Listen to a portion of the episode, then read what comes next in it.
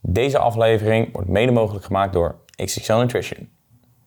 Dumbbell row of cable row, cable fly of dumbbell fly, hack squat of barbell squat. En zoveel verschillende mogelijkheden om zoveel verschillende spiergroepen aan te spreken. Maar wat is nou eigenlijk de beste? Frank, vertel het ons, alsjeblieft. Helaas is er geen correct antwoord. Dat dacht ik al. Want het verschilt echt per persoon. En daar zit wel een grote naal. Iedereen is namelijk anders gebouwd. Dus het is niet zo van, oh, standprogrammaatje werkt voor iedereen. Dat werkt dus niet. Je moet echt gewoon kijken van wat past bij jouw bouw. Hoe ben je, hoe zit je lichaamsstructuur in elkaar. Dat maakt er heel veel verschil voor. Zijn er verschillende basisbouwen? zeg maar, je hebt ectomorph, endomorph of ecto... Hoe zou je... Ja. Ecto, endo, meso. Nee, dat, dat verhaal klopt niet. Oké, Oei. Sigmund, het grappige is, Sigmund Freud heeft dat stuk geschreven. In zijn eigen onderzoek staat er eigenlijk al dat het niet klopt. oké, want wat klopt er dan niet aan? Er zijn meer types. Dus uiteindelijk, je, Oké, het zijn niet drie, dat zijn er, uiteindelijk zijn er wel veel meer. En het zijn waarschijnlijk een paar honderd. I knew it. Ja, dus er zijn er wel veel meer. Dus daar heeft niet meer mee te maken. Nee, dan heb ik meer over botstructuur. Bijvoorbeeld van, heb jij hele lange bovenbenen ten opzichte van een kort bovenlichaam? Dat soort, dat soort punten ga je het meer aan herkennen. Van hoe breed is jouw sleutelbeen? Dat soort punten zijn waar je eigenlijk veel meer naar wil gaan kijken. Ja, duidelijk. Dus eigenlijk is het allemaal gewoon een beetje een leugen dat je verdeeld wordt over drie... eh, Ja, dat, dat klopt niet zo. Ik heb, vroeger dacht ik ook, want ze leren het serieus op een sportopleiding in Nederland, leren ze dat soms nog wel eens. Maar daar klopt dus helemaal niks van. Geef je wel eens lessen op, eh, op scholen? Nee. Zouden ze eens moeten... Ja, vind Ja. ik ook. Ik zie Nee. kansen in de markt. Meester Ja. Frank. Ja, ik zie wel kansen in de markt. Ja. Goed, dus er is niet echt eh, één beste oefening die er... Of één beste manier of een beste... Nee, dat beste verschilt echt per persoon. Wat is het beste voor jou? Wat Laten we zeggen chest. Eh, waarschijnlijk kom ik dan wel op een dumbbell press uit, maar dan niet een platte, maar ongeveer op 15 graden. Ja, net een klein beetje inklim. Ja, Ja. dus dan komt mijn, in principe komt dan mijn, eh, mijn borstbeen komt dan in een precies ideale positie zodat de maximale spanning op staat. Dus dan ga je echt naar zwaartekracht krijgen, biomechanica, of dat klopt. Daar kom ik dan fantastisch op uit. Hoe kom ik erachter wat het beste voor mij is? Je gaat een expert nodig hebben in biomechanica die anatomie snapt. Ja? Dat is de Voor, een. je kan het niet zelf Kan je uitzoeken. nu even in eh, expert nodig, kan je even die zin ontleden en uitleggen wat het inhoudt? Want ik denk dat heel veel van onze groeimaten niet weten wat precies Oké, inhoudt. ah, anatomie is dus echt... Ik snapte deze keer het wel. Dus Ja, weet ik, maar- laat, anatomie laat ik is eigenlijk van hoe de eh, spieren in je lichaam zitten. Dus van bot tot bot, van oké, hoe gaat de spier? Dat verschilt namelijk ook nog per persoon. Het is niet zo dat jouw borst altijd dezelfde richting bij iedereen 100% hetzelfde op zit. En dan biomechanica, dat is eigenlijk een deel van, oké, hoe is de spanning verdeeld? Dus hou je een dumbbell dicht bij je lichaam, is het heel licht. Hou je hem ver weg, is het heel zwaar. Daar ga je naar kijken, die combinatie daarvan, dat bepaalt uiteindelijk wat de optimale oefening is. Duidelijk. En dan kan je zelf gewoon simpelweg niet achterkomen. Ja, Zijn nee, er ook geen kleine trucjes of... eh, Eh, ja, je gaat wel meer spanning voelen, maar dat is ook nog soms perceptie. Want soms denken mensen dat het beter is, maar dat is gewoon sensatie. En sensatie wil niet zeggen dat er meer spanning op staat. Dus dat maakt wel nog verschil. duidelijk, Ja, en het is, je moet behoorlijk studeren om dat te kunnen. duidelijk. Ja. Kan je dat zelf? Je kunt wel zelf studeren. Nee, maar jij? Jij? Ja, ik heb er eh, jarenlang training Ja. gevolgd, een cursus om dat te leren. Oké, Ja. Is ook duidelijk. wel leuk voor de groeimaten. Volg even N1 Education. Het is een Amerikaans platform, maar daar heb jij ook vaak dingen geleerd over biomechanica, toch? ja, en man heb ik gebruikt. En daarvoor, wat ze daarvoor hebben gedaan. eh, er zijn meerdere opleidingen, bijvoorbeeld Prescript in Amerika is ook een hele goede opleiding om te leren. Dus dat zijn wel een paar opleidingen waar je het kan doen. Het voordeel is, veel daarvan is wel tegenwoordig online toegankelijk. Dus ik wil niet gelijk zeggen dat je naar de VS moet om alles te gaan volgen, wat een heel duur verhaal wordt. Je kunt al online beginnen met wat kennis opdoen. Mhm. En je krijgt ook gewoon een manual soms thuis gestuurd. En dan kan je alvast een beetje beginnen met leren. Ja. En ehm, ja, ooit eh, waren in de Arnold-era nog maar alleen dumbbells en barbells en nou, een beetje krakkemiekige kabels, om maar zo te zeggen. Ja. Denk je zelf dat eh, Arnold in dit tijdperk meer had kunnen presteren dan dat hij toen heeft gedaan? Nou, hij heeft wel goede genen, heeft hij. Dus ik denk wel... Lijpe chest inderdaad. Ja, dus dat maakt echt wel heel uit. En hij had charisma. En de charisma maakt heel veel uit. Dus eh, ik denk wel dat hij heel ver had gekomen. Of hij nog steeds wedstrijden had gewonnen. Dat denk ik misschien in classic, eh, classic fysiek. Bodybuilding niet meer. Want die gasten zijn tegenwoordig zo groot geworden. Dat is gewoon anders. Ja, dat is eh, onnatuurlijk inderdaad. Ja, dus... maar, en ik denk wel dat zijn quads een stuk groter moeten zijn voor de tegenwoordige wereld van wat dat toen was. Hm. Ja. Oké. En er zijn een hoop, want we hebben natuurlijk ook al in een andere podcast eh, een paar eh, het over apparatuur in de gym eh, gehad. Ehm, als je gaat kijken naar de gemiddelde gym qua, qua apparaten, zijn er bepaalde wat je zegt van oké, deze zijn echt overbodig. Deze hebben echt gewoon geen, geen zin voor spiergroei of progressie daarin.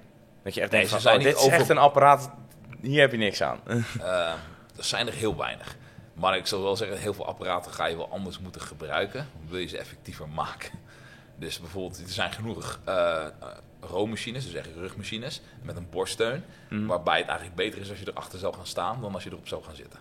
Ja, Omdat die dan gewoon veel beter uitkomt voor je lichaamsbouw. ja, omdat hij dan te hoog of te laag uitkomt. Ja, maar ik denk... eigenlijk- in principe als je hem trekt, je trekt hem gewoon omhoog. En Ja. je wil hem eigenlijk meer naar beneden trekken. Ja, precies. Dus dat soort dingen. Dus tenzij je doel is een hele dikke trapezius bouwen, dan zou je er misschien anders Ja, precies. staan. Ja. Oké. En eh, wat zijn jouw top 5 oefeningen? Je zegt van, oeh, dit zijn mijn top 5 favorieten of beste voor progressie daarin. Dat verschilt heel erg met welk doel je daadwerkelijk aan het trainen bent. Dus dat- Spiergroei. voor spiergroei, nou, als ik het meest makkelijke gaf, laat zeggen, ik neem even gewoon een jongen die er gewoon goed uit wil zien op het strand. Zou waarschijnlijk naar een klein dumbbellpress gaan. Daar ga je wel echt heel veel mee kunnen doen. Uh, ik ben wel fan van lat pull downs. Chest supported rows, maar dan vaak met dumbbells gewoon op een bankje. Dat is vaak het meest makkelijke. Een cable lateral raise, waarbij je ligt. Dus dan waarbij je gekruist zit. Dus dat je op de grond ligt en dat Ja. je dan... eh, ja, dat werkt wel heel goed. Want dan kan je tenminste volledig spanning op je schouder houden. krijg je tenminste ronde Ik schouderkoppen. heb die ook een keer gedaan trouwens. Ja. Uitgelachen in de sportschool. Iedereen Ja. zei, wat de fuck ben jij nou aan het doen? Maar ja.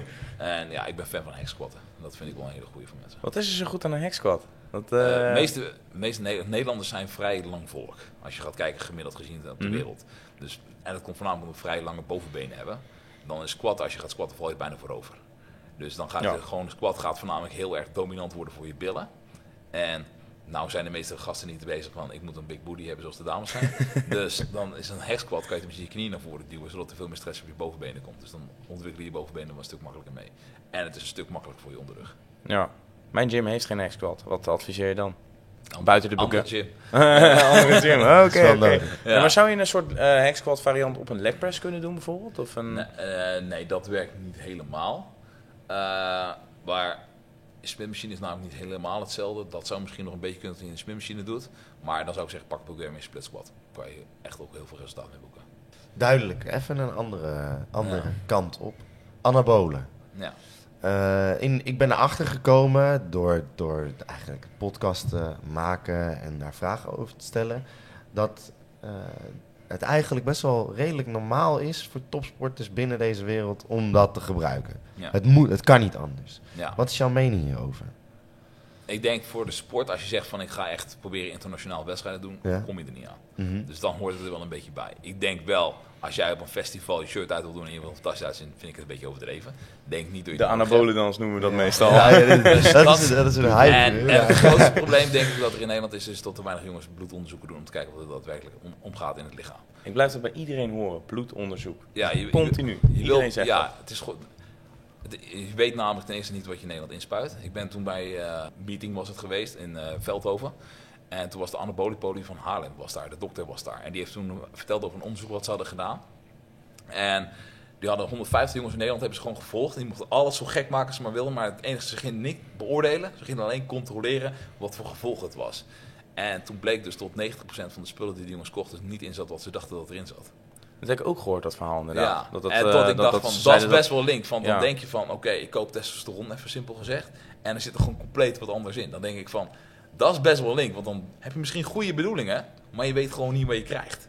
Ja. Dat is best wel link. En dan denk ik dat bloedonderzoeken kunnen wel heel uit aangeven van, oké, gaan je waardes de goede kant op of gaat dat fout? Want als het fout gaat, zou ik maar gauw stoppen, want dat wil je natuurlijk niet hebben. Dus dat zijn wel dingen wat je heel goed in de gaten moet houden en wat ik denk echt voor slim is. Ander ding dat ik gewoon denk is, gasten gebruiken echt absurd te veel in Nederland. Er zijn maar weinig gasten in Nederland die Zei volgens mij... Wesley ook al inderdaad, dat, eh, dat, dat, dat sommige gasten Ik- gewoon ik vier van- keer zijn dosering gebruiken. En ik denk, eh, Ja, als, als ik van toppers in Amerika heb gehoord wat ze letterlijk doen om gewoon professionele wedstrijden te winnen, hoe weinig dat is. En dan hoor je in Nederland gasten dat je denkt, waar ben je mee bezig? ja, Zelf ooit gebruikt?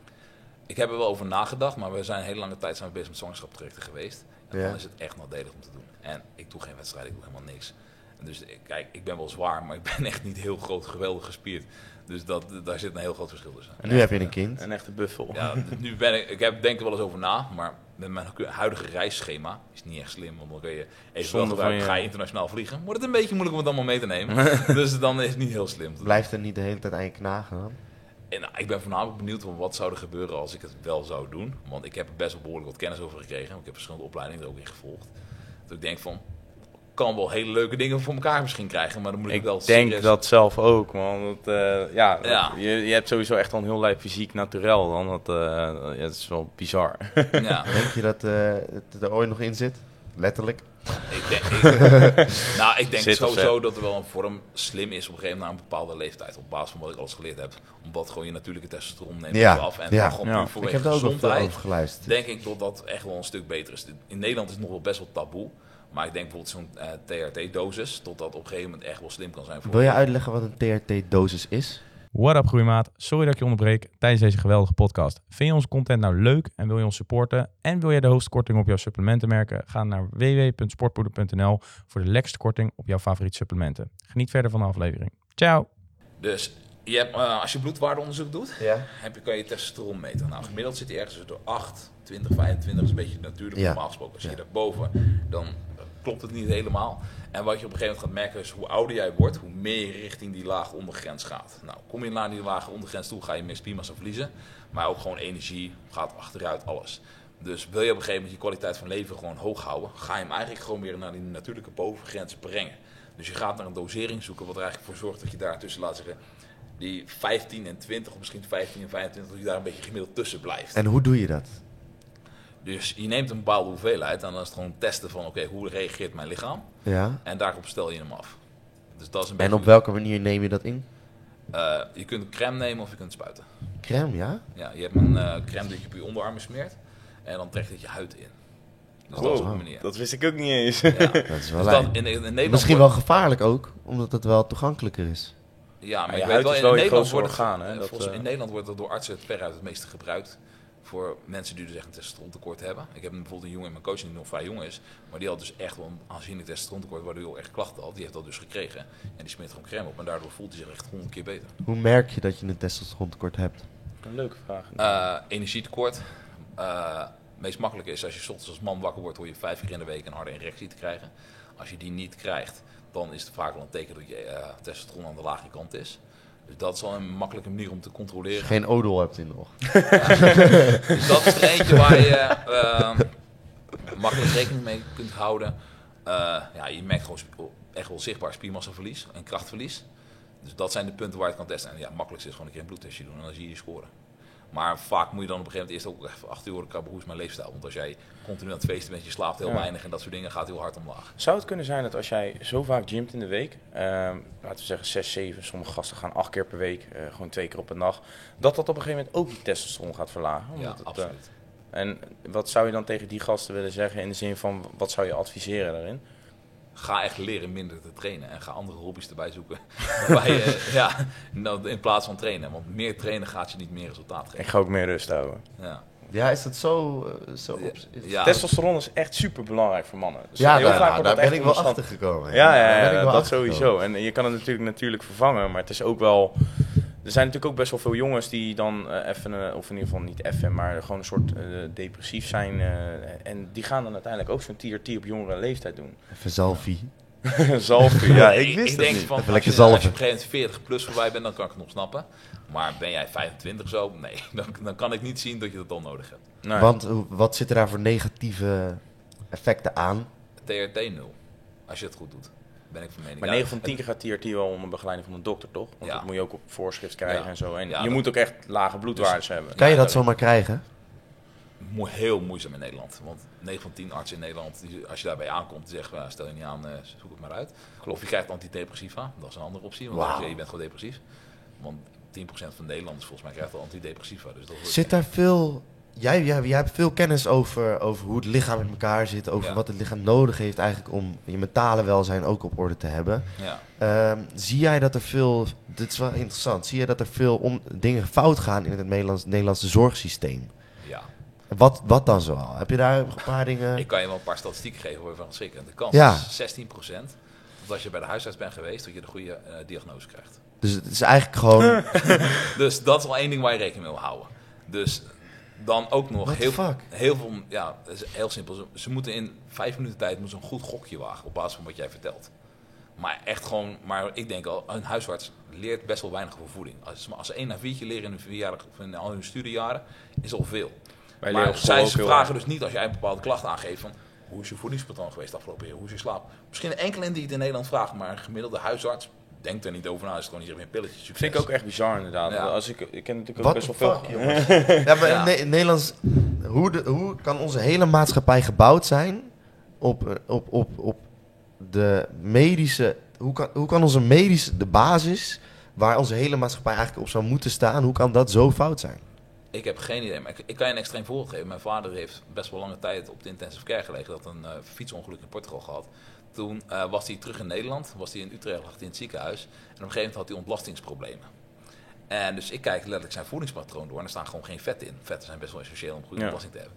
Dus zeg, ja, gooi wat olijfolie over zijn groenten. Hadden ze gewoon niet eens in het ziekenhuis, hadden ze geen fles olijfolie of iets met vetten. Hadden ze gewoon, dan ze gewoon een pilletje geven. Ik zeg, ik rij wel even naar Albert Heijn, haal ik een flesje olijfolie, is het opgelost. Waarom zou je nog meer medicatie geven aan iemand die het niet nodig heeft, Ja. maar gewoon wat vetten nodig heeft?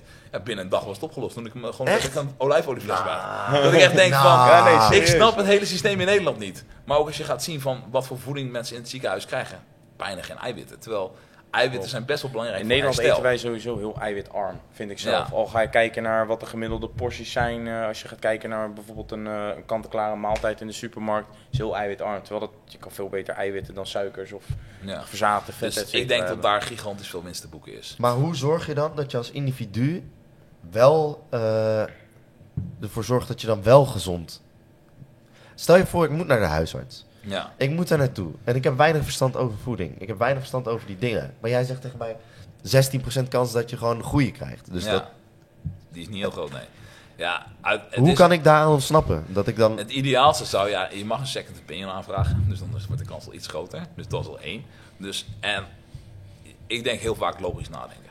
Want heel vaak wordt gezegd, doe dit niet of doe dat niet. En denk van, denk gewoon logisch na, wil je de rest van je leven dat doen? Bijvoorbeeld, ik had nu laatst iemand die zei tegen mij, ik heb een her- nekhernia. En ik mag nooit van mijn leven meer dan een kilo tillen. Ben ik niet heel erg mee eens. Want als ik gewoon, ik ken worstelaars die afgekeurd zijn omdat ze zoveel schade aan hun nek hebben. En die nu tegenwoordig weer aan het worstelen zijn en door de tafels heen vliegen. Dus dan lijkt me sterk dat je nooit meer een kilo mag tillen. Ik zeg niet dat je weer maximaal gaat squatten en dat soort dingen voor de rest van je leven. Maar je gaat wel weer gewoon normaal kunnen functioneren in mijn optiek altijd. Ja. Dus, en dat denk ik wel. Dus ik weet, heel, ik ben ook van mening, bijvoorbeeld hernia is persoonlijk zou ik zeggen, ik geloof niet dat mensen, tenzij ze echt zenuwuitval krijgen, heb je geen hernia klachten. Dan denk ik dat de spieren in je lichaam niet sterk genoeg zijn waardoor je klachten krijgt. Ik ben niet... eh, ik, ben niet eh, Nee. ik ken het gebied niet, dus ik kan er niet dus oordelen. nee, maar dat is wel één ding dat ik gewoon durf te zeggen van... Als jij 100 mensen neemt die gaat allemaal scans maken, ga je bij iedereen hernia's vinden. Wil dat zeggen dat iedereen klachten heeft? Waarschijnlijk niet. Maar dus de huisarts zegt, ja, dat komt daardoor. Niet dat ze gaan kijken van... Jemig, maar dit is fucked up eigenlijk. Ja, nee, maar zeg, voeding ben is zo belangrijk. De meeste, meeste dingen die intern in jouw lichaam niet goed zitten, kan je met voeding fixen. Ik ken mensen die hebben auto-immuunziektes en dat kan je letterlijk, al ga je een jaar of twee jaar lang raw vegan eten met bepaalde juiste Ja. medicatie daarbij, dus gewoon echt bepaalde kruiden, dan gaan die auto-immuunziektes weg. Oh, Ik- jongens. ik Voeding heb een- is ik heb zo- een dame in het VS gezien, was op het podium, was voor een event dat ik organiseerde in eh, Nashville in april. En de, eh, in Amerika wouden ze letterlijk wouden ze haar eh, darmen wouden ze een deel van uitsnijden, omdat ze dachten dat het nodig was. En die heeft het gewoon serieus met voeding kunnen oplossen. Ja. Dat zijn gewoon, toen ze hem gewoon een goede functionele Wat? arts heeft gevonden, die haar gewoon met voeding is gekozen in plaats van dat ze dus echt het ziekenhuis Mijn hele leven Voeding is is een je leugen. jaarlang, eh, nee, maar voeding is je leven lang de brandstof voor je lichaam. Wat je Ja. erin stopt, dat, dat gaat er op een gegeven moment ook zo uitzien. Ja. Weet je, en dat is dus, dat, dat Yo, is ik ook moet met echt huidige... wat normaal gaan doen. Gaat het? Gaat het? Ja. Nee, maar het, het is Eigenlijk wel kan zo, ik man. Mackie meer gewoon zien als, als, als, als, vergif. Ja, eigenlijk wel, man. Ja, kijk, een keer kan geen kwaad, maar al eet je elke dag Mac, al eet je continu die, die magnetronmaaltijden en weet ik veel wat, ja, dan is het niet heel gek dat je op een lange termijn op een gegeven moment kanker gaat krijgen, man. Omdat als je de hele tijd... Nou, Mackie is misschien extreem Nee, voorbeeld, maar- het is niet direct. Krijg je Kijk, kanker van McDonald's? nee. Help, zeg me. Nee, snelle nee, ik, ik, nee, kijk, ik Ik denk wel, kijk, bijvoorbeeld, ik denk, wat ik persoonlijk denk is, iedereen heeft een vaste leeftijd hoe oud je ongeveer zal worden op natuurlijke basis. Dus gewoon als, gewoon, als je geen ongeluk krijgt of wat iets, stel je zal 100 worden. Ik denk wel, leef je een gezonde leefstijl, dan zal de kwaliteit van leven de laatste vijf jaar misschien minder zijn. Leef je ongezond misschien de laatste 20 jaar wat minder. Daar zit denk ik het grootste verschil. Oké, dus het zit niet per se in lengte, maar in kwaliteit. Ja, in kwaliteit. Tuurlijk zijn er wel dingen die invloed gaan hebben op inderdaad kankercellen sneller groeien en dat soort dingen. Dat he- er zijn wel dingen die daar invloed op hebben. Alleen hoeveel kunnen ze echt niet eh, aangeven nog. Dus er zijn geen studies die zeggen, oh, nu is je IGF-1-waarde hoger waardoor kanker sneller, sneller groeien, daarom ga jij sneller dood. Dat kunnen ze niet tegen- relateren aan een voedingsproduct dat Nee. je eet. Want anders had het nooit in de schappen gelegen. Maar je hebt Dus ook dat mensen die van nature ook gewoon berensterk zijn. Die gewoon echt niet kapot te krijgen zijn. Ja. Sommige mensen die, die, ja, dat, eh, die zijn gewoon niet slopen. Mijn oma bijvoorbeeld ook, die heeft vier keer een hersenbloeding gehad. Die was gewoon niet kapot te krijgen. Ik ben nog steeds even boembezeld van Gaat het feit het? dat, dat, dat je in het ziekenhuis gewoon niet de juiste voeding krijgt om te herstellen. Oh, voeding zeker niet. Maar dat is de plek waar, waar, waar, waar mensen gestudeerd hebben om jou te genezen. Die, ze- die, die, die hebben dus blijkbaar geen inzicht in, Ik denk, in de ik, denk, ik dus de geloof niet voeding. dat het de artsen het of, en de verpleegkundigen het probleem zijn. Die willen echt wel. Want dat Ja, nee, groot- natuurlijk. Maar, Maar, ik denk dat het systeem gewoon zo ver aangepast is dat alles maar moet opgelost worden met een infuus en met pilletjes en dingen. Dat daar te veel op geënt is en dat ze wat breder moeten gaan kijken. Maar dan kom je alweer een probleem met nieuwe opleidingen. Het is, het is dan tekort aan zorgpersoneel. Laat staan dat je dat gekwalificeerde personeel gaat krijgen. dus we zitten gewoon vast in een systeem wat niet werkt. Maar waar we ook niet uit kunnen omdat, er gewoon, omdat het al niet werkt. Ja, hey, ik heb een tip voor je. Eet gewoon gezond. Ja, dat is wel... Dat, dat dan, is de de key. nee, dan, meeste Nee, maar, kwaaltjes. nee, maar het kan gebeuren dat je aangegeven wordt aan Ja, elke oké. keer gezond eten. Dus het dan blijft moet je een appeltje eten. Hier heb je wat eiwitten. ja, het is gewoon een lastige situatie waarin je zit. Een paar van die eieren op je kop gooien. Ja, nee, dus dat is gewoon echt iets waar ik denk van ja, het blijft gewoon lastig. En ik denk dat je gewoon echt wel naar, gewoon moet kijken naar van, wat kan er allemaal bijdragen aan, mijn- aan hulp daarbij. Ja. En dat je dan breder moet gaan kijken dan alleen het huidige zorgpatroon, maar dat er gewoon meerdere mensen zijn die je daar eventueel bij kunnen helpen. Jij moet straks, eh, stel je voor, jij moet straks je kind naar de huisarts brengen. Die, daar is iets mis. In hoeverre heb je vertrouwen in het feit dat dat... eh, Ik, eh, sommige, dat ligt er gewoon echt aan wat ze willen doen. Want ik ga wel heel kritisch antwoorden en vragen stellen. En eh, heel simpel, je bent niet verplicht, een huisarts geeft advies. Het is niet, Ja. En dat is denk ik waar mensen al fout gaan. Is van je moet, bent niet verplicht om ze op te volgen. Nee, maar je hebt wel een huisarts nodig om bepaalde dingen voor elkaar te krijgen. Ja, dat En- klopt wel. En dat Ja. lijkt me wel lastig. dat blijft inderdaad lastig. Dus de huisarts wil af en toe wel dingen doen dat ik denk, "Mwah, dat zou ik niet doen. En dan zeg ik gewoon nee. Duidelijk. Ja. Ik vind het op zich al een leuke, interessante zijweg die we hebben genomen. Ja. Maar eh, ik denk dat we met een quote kunnen afsluiten. My body is a temple. Doe er voorzichtig mee. En eh groeimaten, bedankt weer voor het luisteren. En een eh, fijne dag verder. Adios. Ciao. Deze aflevering werd mede mogelijk gemaakt door XXL Nutrition.